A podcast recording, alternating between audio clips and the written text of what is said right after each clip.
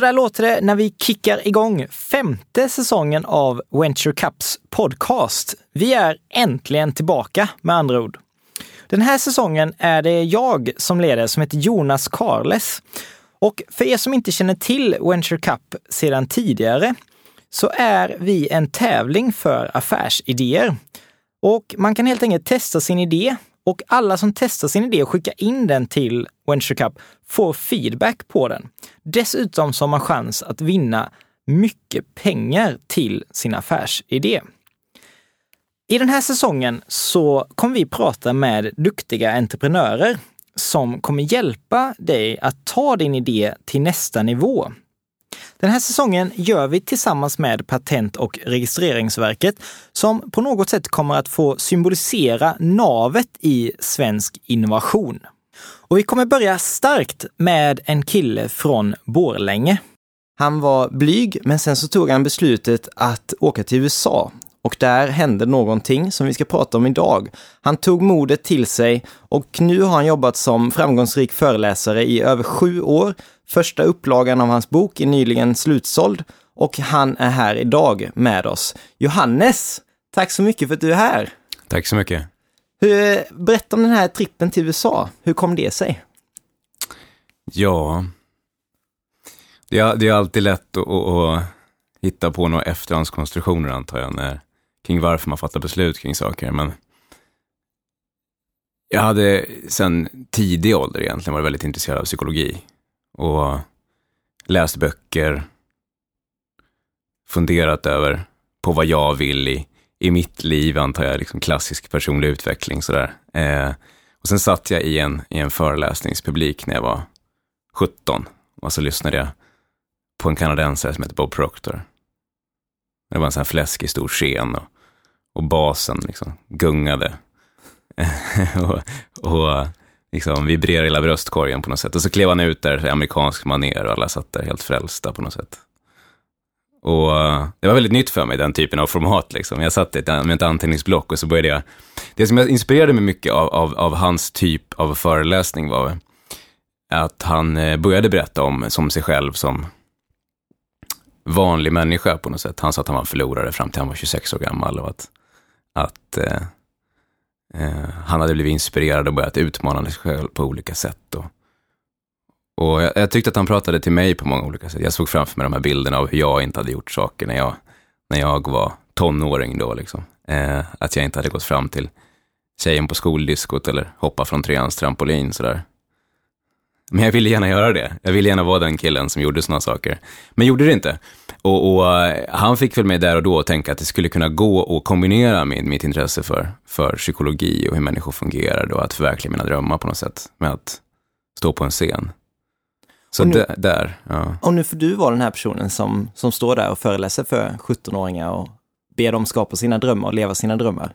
Ja. Det är en fantastisk resa.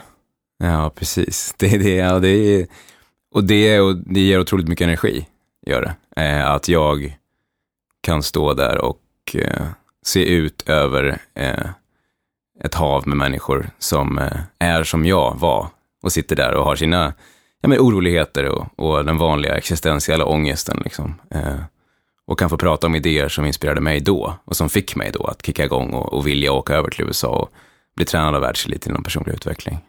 Ja, men berätta mer om det. Vad, vad var det som hände där? Du åkte till USA på grund av den här föreläsaren. Ja, det, alltså där började det ju. Eh, jag har haft rätt mycket tid nu att reflektera kring det här i och med att jag skrev en bok eh, om vad som har drivit mig och på vilket sätt jag har formats. Sådär. Eh, och har väl fått hjälp av både min familj och, och liksom vänner under den tiden att tänka på vad, vad har varit sådana avgörande ögonblick på något sätt. Och det där har varit väldigt starkt för mig. Där hände det mycket, därför att där började jag få för mig att det fanns en, en det gick att skapa ett eget jobb på något sätt. Att man kunde använda sin nördighet kring psykologi och gå ut och börja, börja prata om det. Så att ja, eh, där hände det eh, mycket, för jag började skriva min mållista för första gången. Jag började skriva en lista på det här konferensblocket där det stod att jag skulle förändra världen som rubrik och att jag skulle, jag skulle inspirera människor och, och jobba med allt från artister, eh, idrottsstjärnor till liksom företagsledare och så resa runt och prata om det där.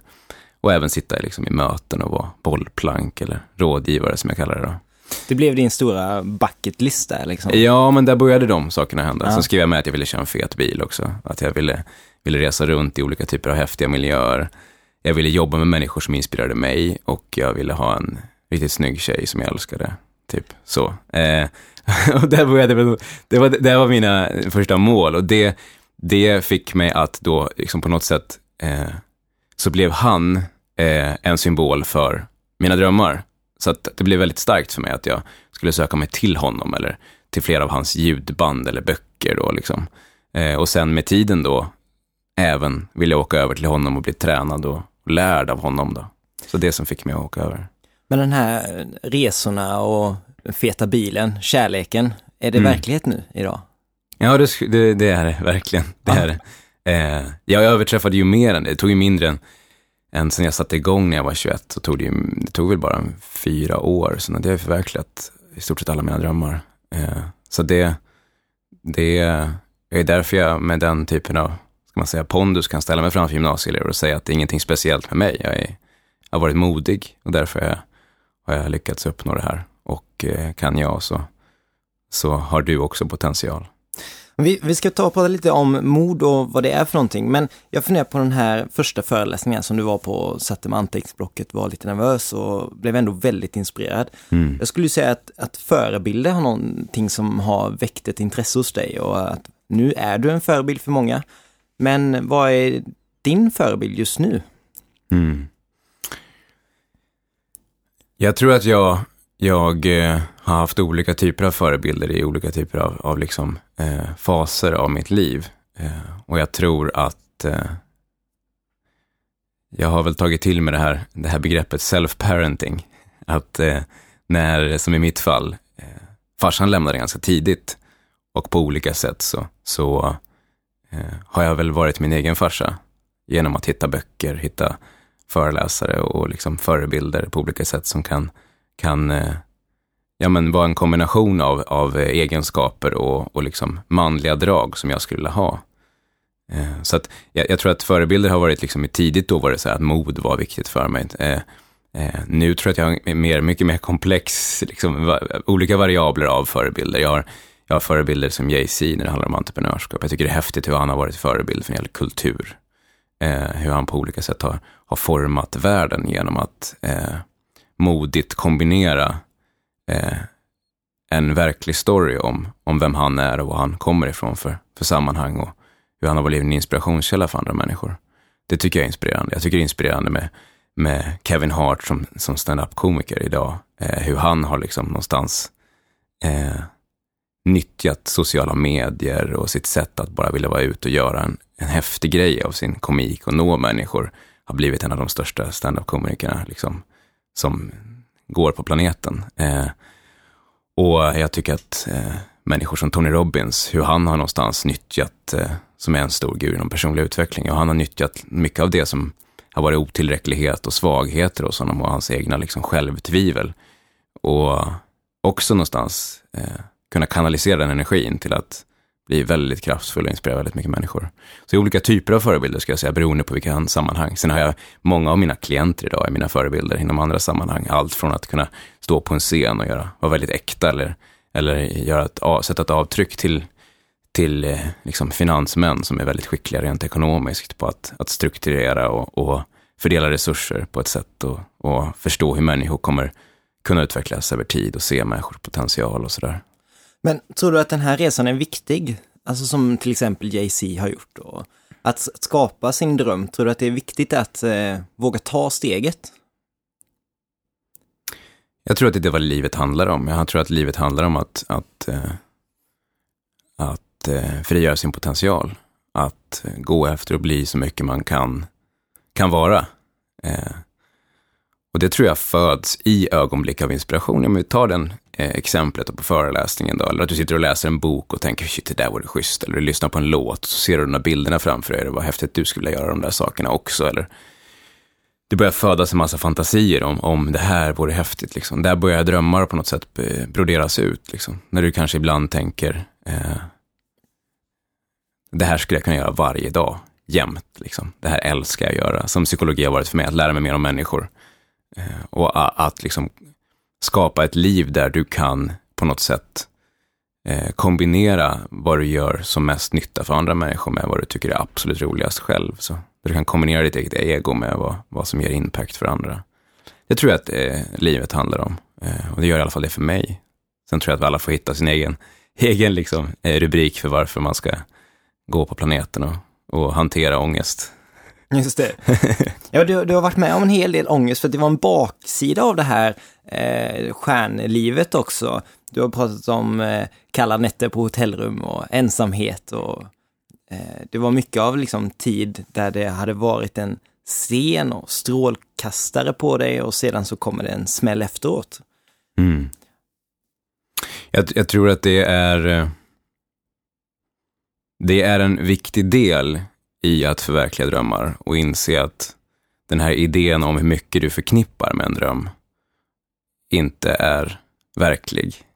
Så jag tror att det finns ett enormt behov av att, att vi som människor överlag har liksom mekanismen i oss när det gäller drömmar. Att vi ser framför oss liksom tankar om när jag kommer dit, då kommer det här, all, allting kommer vara annorlunda.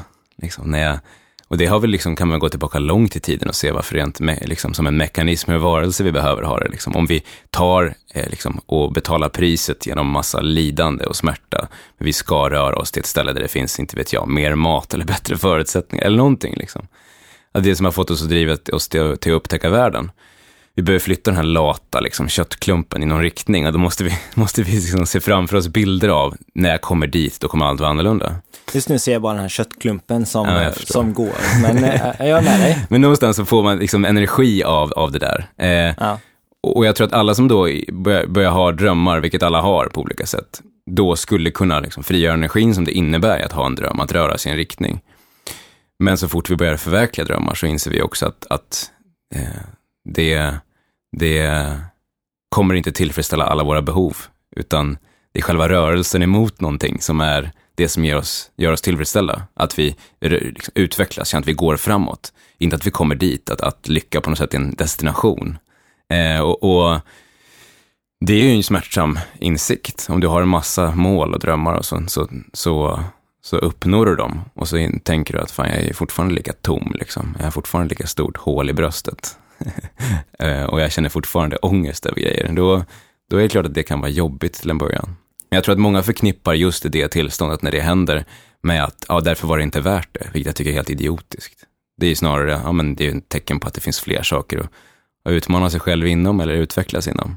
Ja, det där ramar ju in entreprenörskap ganska bra, tänker jag. Att man har en vision som man vill gå mot, men att det är just resan som är resans mål, helt enkelt. Mm. Eh, och det är väl det du säger här med ungefär de orden.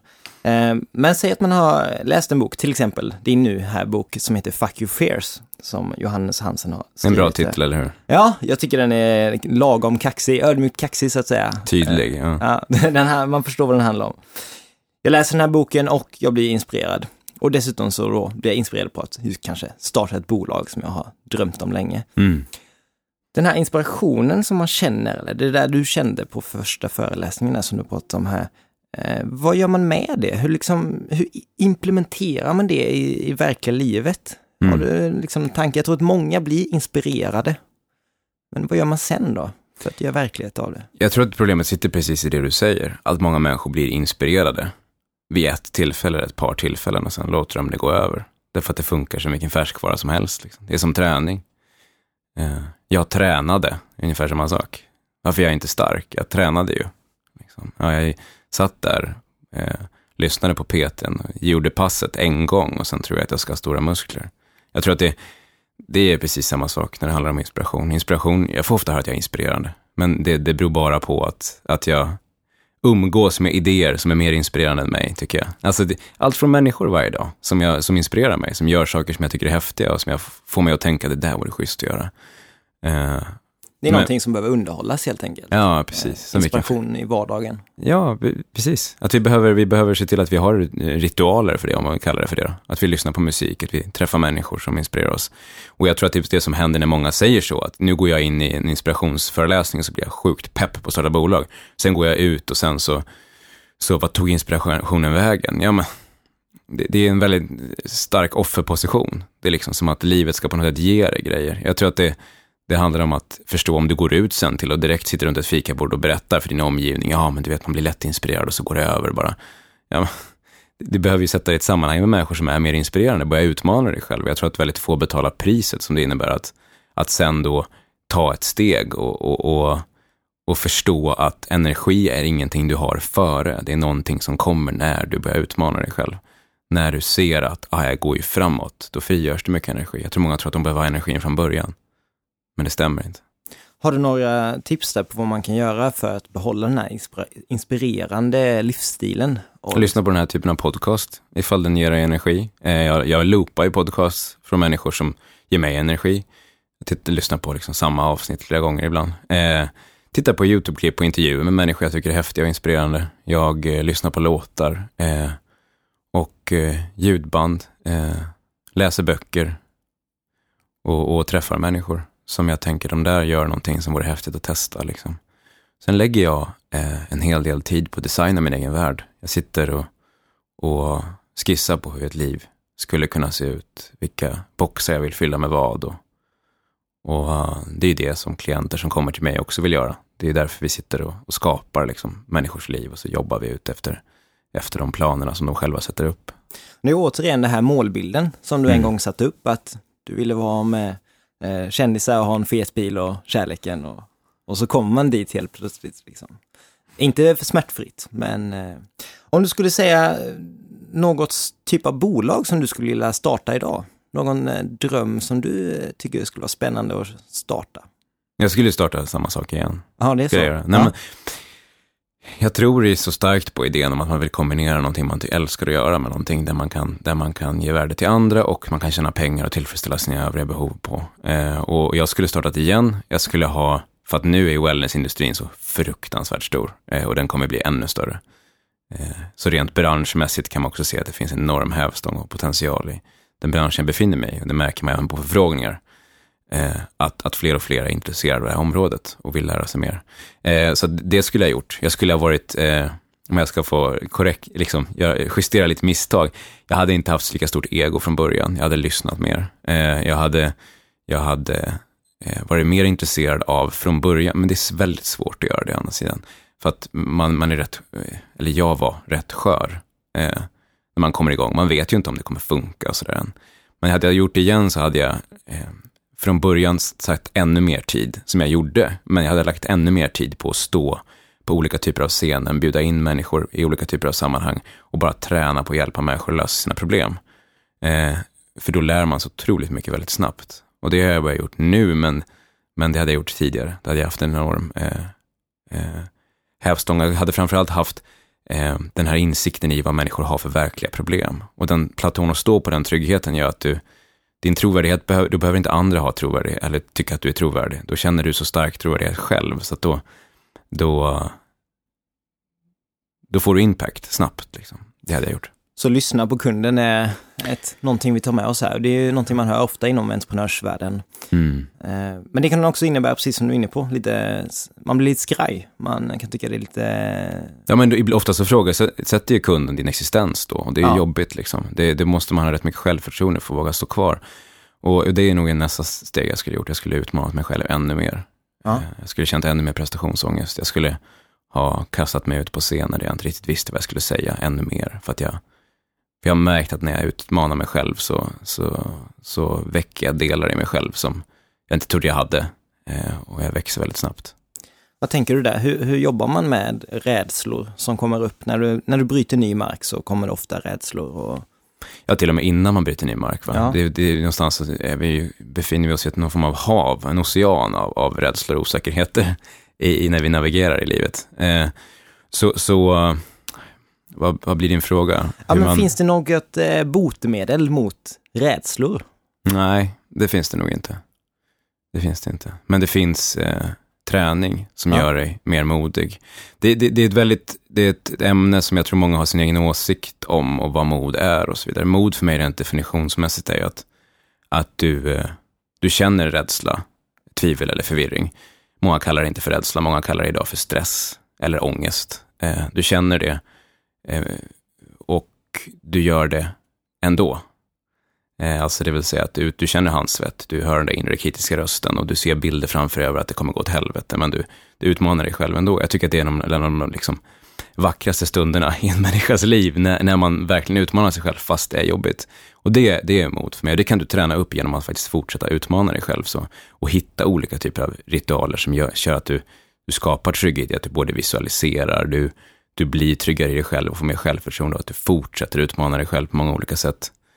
Men jag tror man ska skilja på när det gäller ångest, om jag får ta det kort. Eh, det, finns ju, det finns ju existentiell ångest på något sätt, som vi alla känner till. Det här bussen eller långtradaren som vi ibland träffas av när vi sitter själva, av att eh, livet eh, kommer ta slut en dag och vi har ett stort tomt hål i bröstet liksom, och vi är ensamma.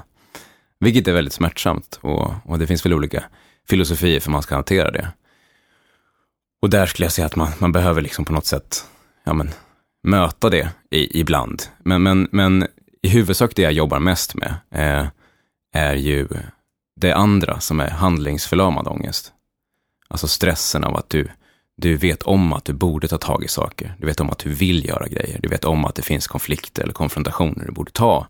Eller att du vill kasta dig ut och att du länge har vetat om att det här är fel. Liksom. Men du gör inte det, utan du är fullt sysselsatt med massa andra grejer. Liksom. Säg att du inte har tid med någonting, liksom. fast du vet vad du borde ta tag i för någonting. Och den handlingsförlamade stressen kan man göra jättemycket åt. Man kan byta ut den mot, vad jag, tredje skulle jag säga, växtverk då, eller handlingskraft. Att du känner prestationsångest, du känner rädsla, tvivel och förvirring, fast i en riktning som du vill. Att du börjar utmana dig själv för att växa. Och det finns en enorm, eh, både kraft i att du, det händer mycket i ditt liv, du känner dig väldigt stolt över dig själv, men också att att du frigör otroligt mycket energi av att, att eh, förflytta liksom handlingsförlamad stress till, till växtverk, om man ska se det så. Eh. Ja, men, om, vi, om vi stannar där vid den här handlingsförlamningen. Eh, är det någonting som du känner att du fortfarande arbetar med väldigt mycket själv? Eller känner du att du har ett så bra verktyg just nu så att man kan sluta jobba med det? Jag tror att, att säga att man ska sluta jobba med det, det vore ju lite grann som att säga att man ska sluta träna och tro att man fortfarande behåller muskelmassa. Så. Det, det tror jag inte att jag skulle kunna säga. Jag tror däremot att jag kan säga att det finns ju två mekanismer som är ganska intressanta. Det första är ju att, att genom att utmana sig själv och genom att göra saker man är rädd för, genom att, att och jag ska ju också lägga till det, att för många entreprenörer så är ju inte rädsla att göra mer saker. För många entreprenörer är rädsla att inte göra är att hålla tillbaka, att inte testa nya projekt hela tiden. Att inte fly vidare liksom. Utan mod för många entreprenörer är att stanna upp och tänka. Hur ser mitt liv ut? Hur vill jag designa hur mina dagar ska, ska vara? Vilka kunder borde jag fokusera på istället för att rodda den här skiten jag sitter och liksom är fast i, tycker jag. Varför sitter jag och håller på med min egen bokföring eller ekonomi när jag, när jag när liksom, då är jag ju inte entreprenör, jag är fan revisor liksom. Eh, ja. Eh, vet, alltså varför sitter du med, med skräp när du borde ta tag i saker? Det, det, det är väl är väl eh, mod för många också.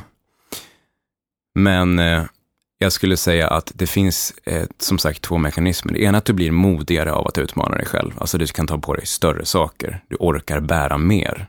Det tycker jag är väldigt tydligt. Det andra är att du blir också bättre på att träna. Precis som muskler funkar. Att du, du blir inte bara modigare eller starkare, du blir också bättre på att träna, du får bättre muskelkontakt. Så jag skulle säga att det som har hänt av att jag har utmanat mig själv och förstår mig själv bättre, eller jobbar med mina egna rädslor och osäkerhet, att jag är väldigt mycket snabbare på att eh, identifiera vad jag borde ta tag i för någonting och ta tag i sakerna. Alltså min tröskel är, är lägre.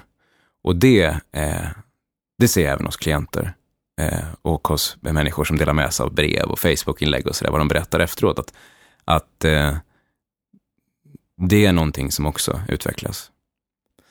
Om vi lämnar utmaningar och rädslor lite, vad skulle du säga är de största vinsterna som eh, du själv har fått genom att göra den här resan och starta ett bolag och living the dream? Ja, men förutom det du säger, att såklart, jag kan ju designa och skapa min egen värld.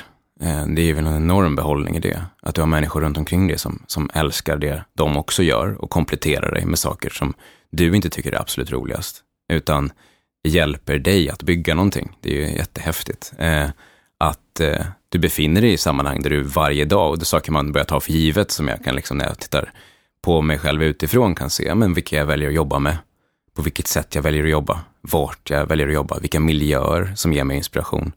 Eh, att jag kan välja att göra precis vad jag vill, när jag vill och, och liksom fokusera en eftermiddag på att gå och köpa luktljus liksom, istället, för, istället för att hantera administration. Eller jag kan tänka på, gillar jag att vara i den här lokalen när jag kör rådgivningspass eller ska jag byta? Vilke, hur ser belysningen ut här? Jag kan bolla på nörda sådana saker, liksom, vilket såklart på ett sätt är livskvalitet. Eh, men det andra är också att jag kan eh, fortsätta att skapa. Jag har ju via mitt verktyg eller fordon nu kunnat förverkliga ännu fler drömmar. Alltså jag började ju bli intresserad av musik, så jag fick vara med då, när jag skulle göra den här storyfilmen jag gjort, så fick jag vara med och sitta då med den som producerar musik och tänka på hur ska den här musiken vara, liksom. Tänka på det. Jag sitter nu när vi håller på och klipper filmer och tycker att även att det är roligt, liksom. Så jag kan förverkliga min dröm om att och även göra film. Eh, jag tycker att det är jätteintressant att tänka på underhållning och utbildning, hur man kombinerar det, vilket jag kan göra i mitt eget innehåll hela dagarna, men också titta utifrån på en, en inspirationsshow vi gör eller en föreläsning och tänka hur kan man addera musik där kanske, eller på vilket sätt kan man skapa mer interaktivitet med publiken. Och det finns så många lager av, av, eh, av saker jag fortsätter kan nörda i och lära mig mer om. Så jag får både liksom kombinera eh, en livsstil som är himla häftig med en frihet och att fortsätta vara liksom den här 12, 13, 14-åriga killen som gillade böcker. Liksom. Så det är väl en enorm behållning. Alltså det här är ju ett jättestort ämne som vi tar här idag Johannes och eh, jag måste försöka summera det här på något sätt. Och då tänker jag att vi har pratat mycket om mod och känna rädsla men göra det ändå. Fuck you fears helt enkelt, som boken heter också.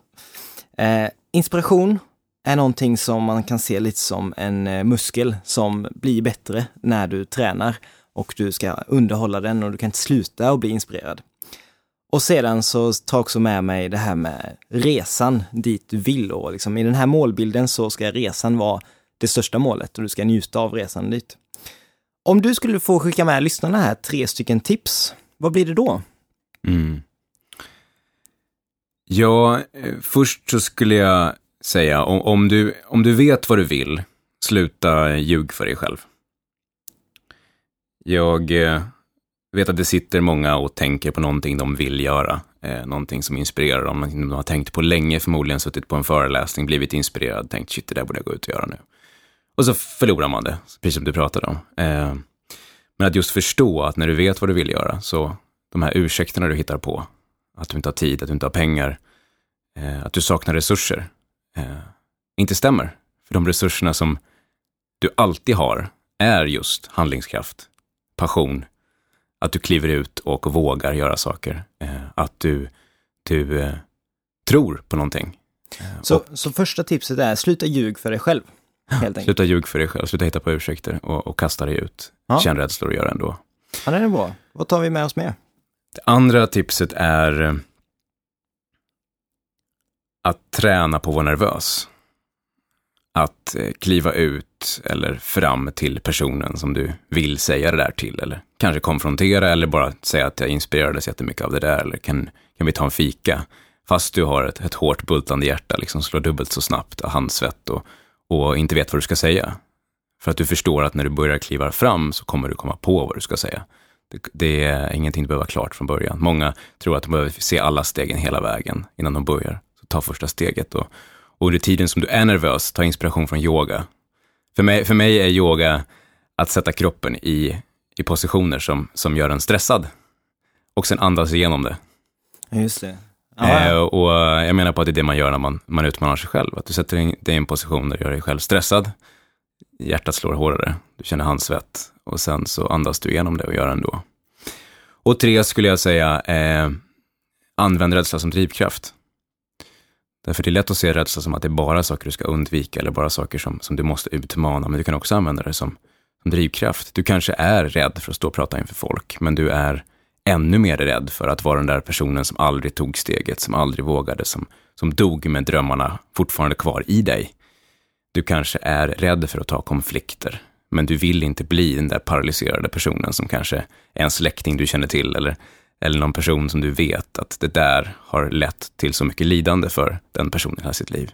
Du kan använda någonstans motsatsen. Du kan börja förstå att du har också rädslor på att, att skulle jag verkligen ha slösat bort de där viktigaste åren, minuterna, sekunderna i mitt liv till att sitta och hitta på ursäkter som jag aldrig kommer tacka mig själv för.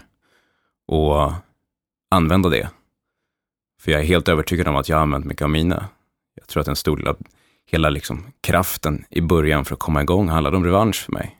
Att jag inte ville vara den där personen. Jag trodde att jag skulle vara den personen hela mitt liv som såg på när andra gjorde saker de vågade göra. Så står någon och, och, pratar om att man kan göra det ändå. Det var som att man öppnade en helt ny värld för mig. Och då tänkte jag, jag tänkte fan inte slösa bort det här. Nej. Ja. Men, men det, det är ett skitbra tips tror jag. Alltså använda rädslan som drivkraft. Nu ska vi köra liksom. Det här Mm. går att göra. Mm. Med de orden så säger jag tack till dig Johannes. Det var skitkul att ha dig här. Jag tror att du har dragit med våra lyssnare på en eh, resa och att de kommer fortsätta den eh, tillsammans med ett inspirerande podcastsäsong och andra YouTube-klipp som du själv har rekommenderat här. Mm. Tack själv, tack det var kul att, kul att vara med. Härligt! Eh, nu ska ni också lyssnare få följa med och träffa en superentreprenör som heter Isabella Lövengrip. Hon kommer vara med här under säsongen som en sidekick för att dela med sig av hennes tankar på avsnittets ämne. Häng med! Eh, ja, Isabella, Johannes pratar här om eh, att han har övervunnit massor av rädslor eh, och att han har använt dem som drivkraft. Vad, har du några rädslor som du har liksom använt för att dra igång något av dina bolag? Nej, jag hade inte riktigt den här rädslan. har jag nog aldrig haft. Utan det har varit mycket mer eh, revansch snarare. Det har väl varit mitt sätt att, att, få mod. Att visa att, att jag kan klara det. Jag, jag är bra. Eh, det kommer gå bra. Men sen självklart så, så finns ju liksom en rädsla där. Men jag måste nog säga att jag är faktiskt ganska liksom, skonad från den känslan. Idag så kan jag mer vara rädd för att att kanske bli sjuk eller att det skulle hända någonting nu när jag snart ska föda. Men just med företagen, där ser jag lite grann som en stor bara lekarena. Det är bara att testa och köra. Och det är många gånger som jag har trillat av hästen, men då gäller det bara att hoppa på igen.